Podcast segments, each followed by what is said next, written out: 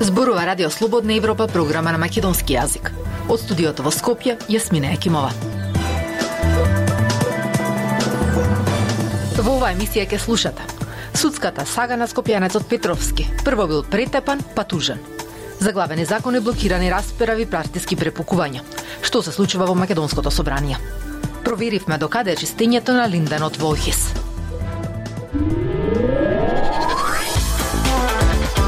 Независни вести анализи за иднината на Македонија. На Радио Слободна Европа и слободнаевропа.мк.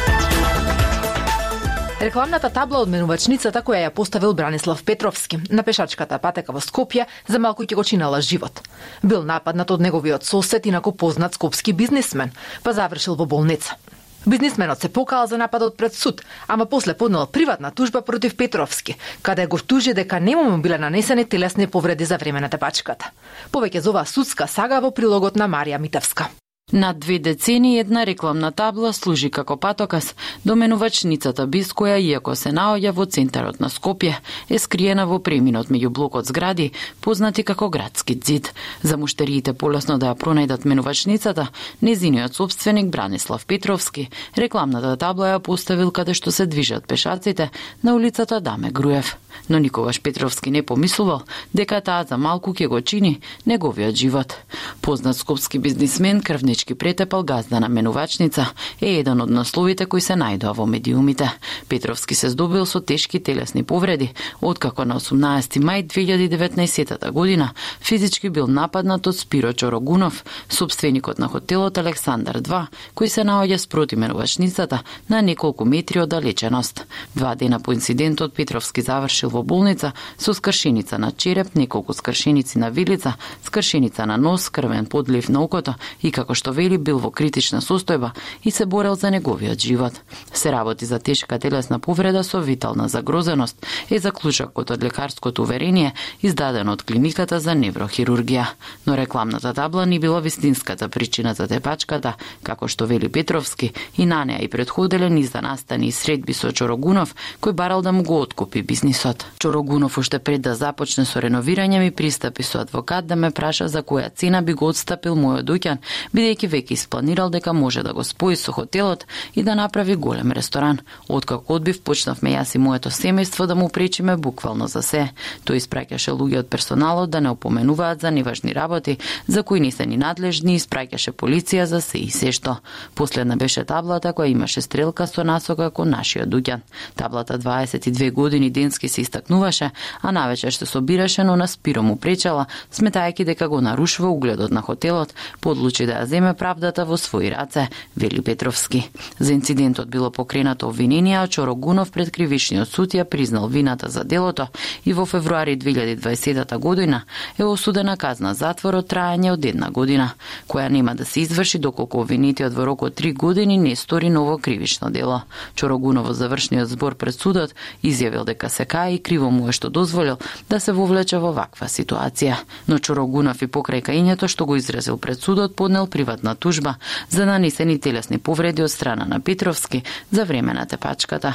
Судика во случајот е Билјана Коцевска, а Петровски сега се наоѓа на спротивната страна, каде треба да докажува дека не го повредил Чорогунов. Поранишниот председател на Врховниот суд Дани Илиев вели дека судиката требало да ја отфрли приватната тужба и таа не треба да присуди во корист на Чорогунов. Повеќе за случајот на Петровски може да прочитате на нашата веб страница slobodnaevropa.mk. Слободна Европа. Следете на на Facebook, Twitter и YouTube. Многу заглавени закони, секојдневни партиски препукувања. Ова е сликата од работата на Македонското собрание изминатиот период. Собранието го изгуби престижот, смета политичкиот аналитичар Владимир Божиновски. Поранишниот собраниски председател пак Стојан Андов вели дека ако претениците сакаат да им се верува, мора да работат и да дадат решенија. Прилог на Пелагија Стојанчова. Заглавени закони, блокирани комисиски расправи, партиски препукувања за речи се сите важни прашања кои ги разгледува собранието. Во ваква атмосфера се одвива работата во парламентот, кој години наназад како да изгуби од контролниот механизам врз извршната власт. Поранишниот преседател на собранието Стојан Андов вели дека собранието е исклучително важен орган и мора да функционира. Причината зошто сега парламентот е доведен во ваква ситуација треба да се бара кај политичките раководители, вели тој неодговорен однос на претендиците на собранието, они се тие што создаваат атмосфера на а, да им се верува. Ако сега да им се верува, тие мора да работат, мора да дадат продукција една, да дадат решенија. Инаку не може, вака се разбира, че им се смеа. Ние сме на пат за прием во Европска Унија, нас таму ни треба одговорен однос на сите фактори во државата. Мора да има углед собранието. Како? Ако собранието нема углед, Државата нема углед тогаш. Државата е несериозна. Така не може. Вели Андов за Радио Слободна Европа. По колективниот одмор летоска собранието не работеше и за време на кампањата за локалните избори, а потоа се чекаше изборот на нова влада. Во меѓувреме не се одржуваат пратенички прашања, а ниту предходно се одржуваа редовно. Но пратениците од друга страна сложно гласа против предлогот да се укинат апанажите за функционери откако ќе им престане мандатот.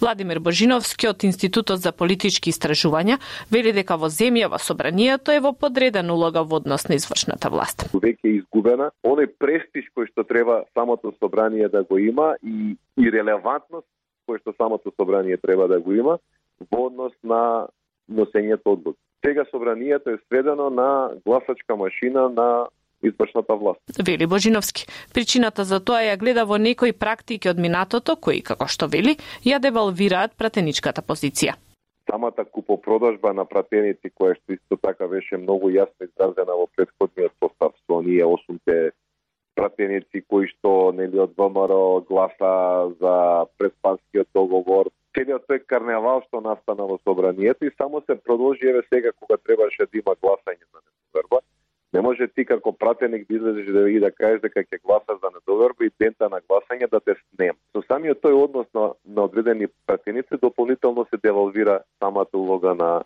собранието. Евроамбасадорот Дейвид Гир во обраќање во македонскиот парламент пред една недела порача да не се злоупотребува европското знаменце и да има помалу потреба на закони по скратена постапка. Извештајот на Институтот за демократија Социјета Цивили Скопје за наблюдување на квалитетот на собранието за втората половина на минатата година покажува дека има пат на квалитетот на дискусија во собранието и дека тоа ја губи контролната улога. Радио Слободна Европа, светот на Македонија. По многу одложувања, надлежните уверуваат дека од следниот месец ќе започне чистењето на малата депонија со Линдан во Охис, а процесот ќе биде безбеден за граѓаните и околината. Илјадниците тони отровен линдан помешани со земја во Охис се оставени на отворено повеќе од 40 години, на оддалеченост од само неколку километри од центарот на Скопје. Прилог на Владимир Калински.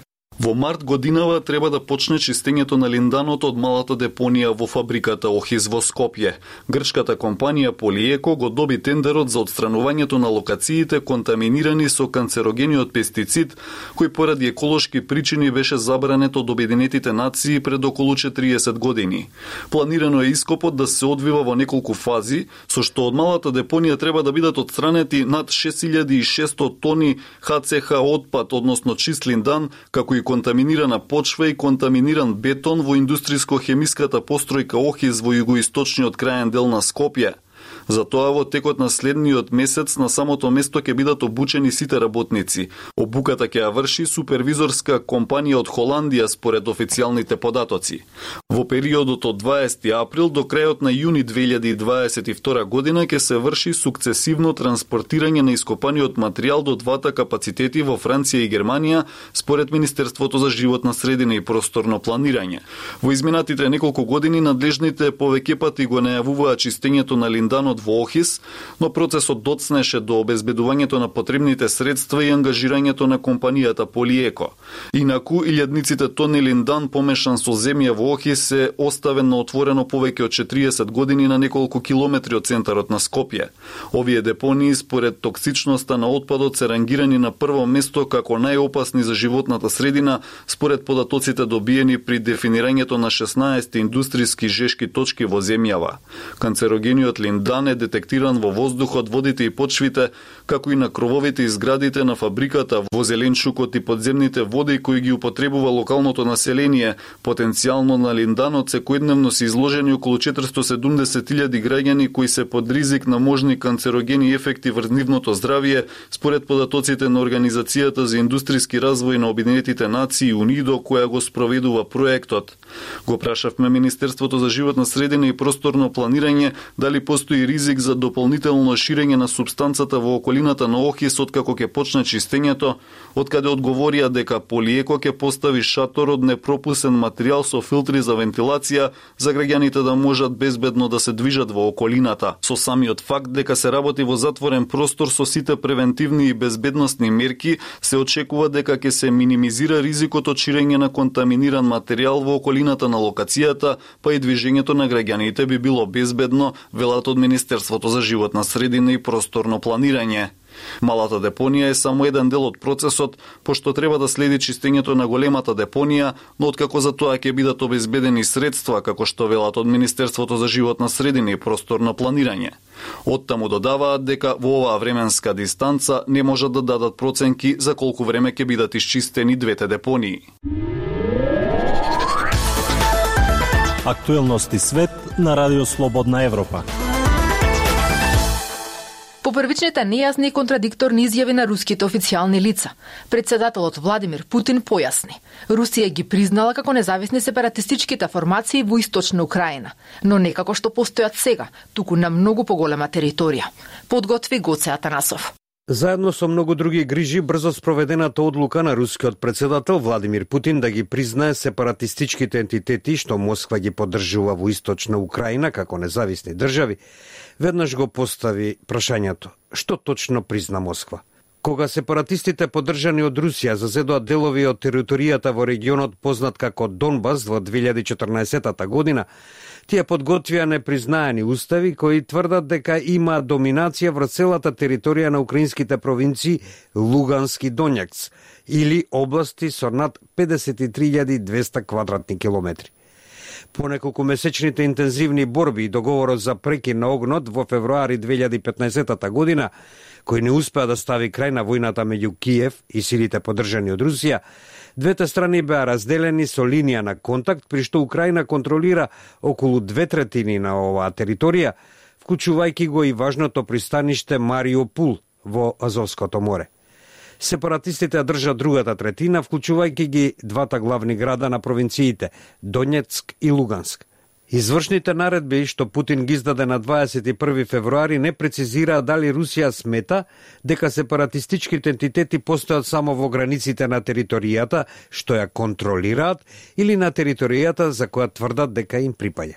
Меѓутоа вчера Путин појасни дека неговото признавање на сепаратистите всушност ги вклучува и нивните територијални претензии, што потенцијално ја отвора вратата за понатамошен воен конфликт со Украина. Ги признаваме што значи сите нивни основачки документи и устави кои велат дека нивните граници се совпаѓаат со регионите Лугански Донецк кога беа дел од Украина изјави Путин додавајки. Но нагласувам дека многу се надеваме од овие прашања сепак може да се решат со мирни преговори. Иако за сега тоа не доаѓа предвид, бидејќи таму се водат борбени активности, а ситуацијата се влошува. Киев инсистира на тоа дека не извршил никаква воена активност во регионот на Донбас и дека целото гранатирање долж линијата на контакт доаѓа од сепаратистичките сили поддржани од Русија. Во меѓувреме Советот на Федерацијата, горниот дом на рускиот парламент, на брзина го одобри барањето на Путин за распоредување воени сили надвор од Русија.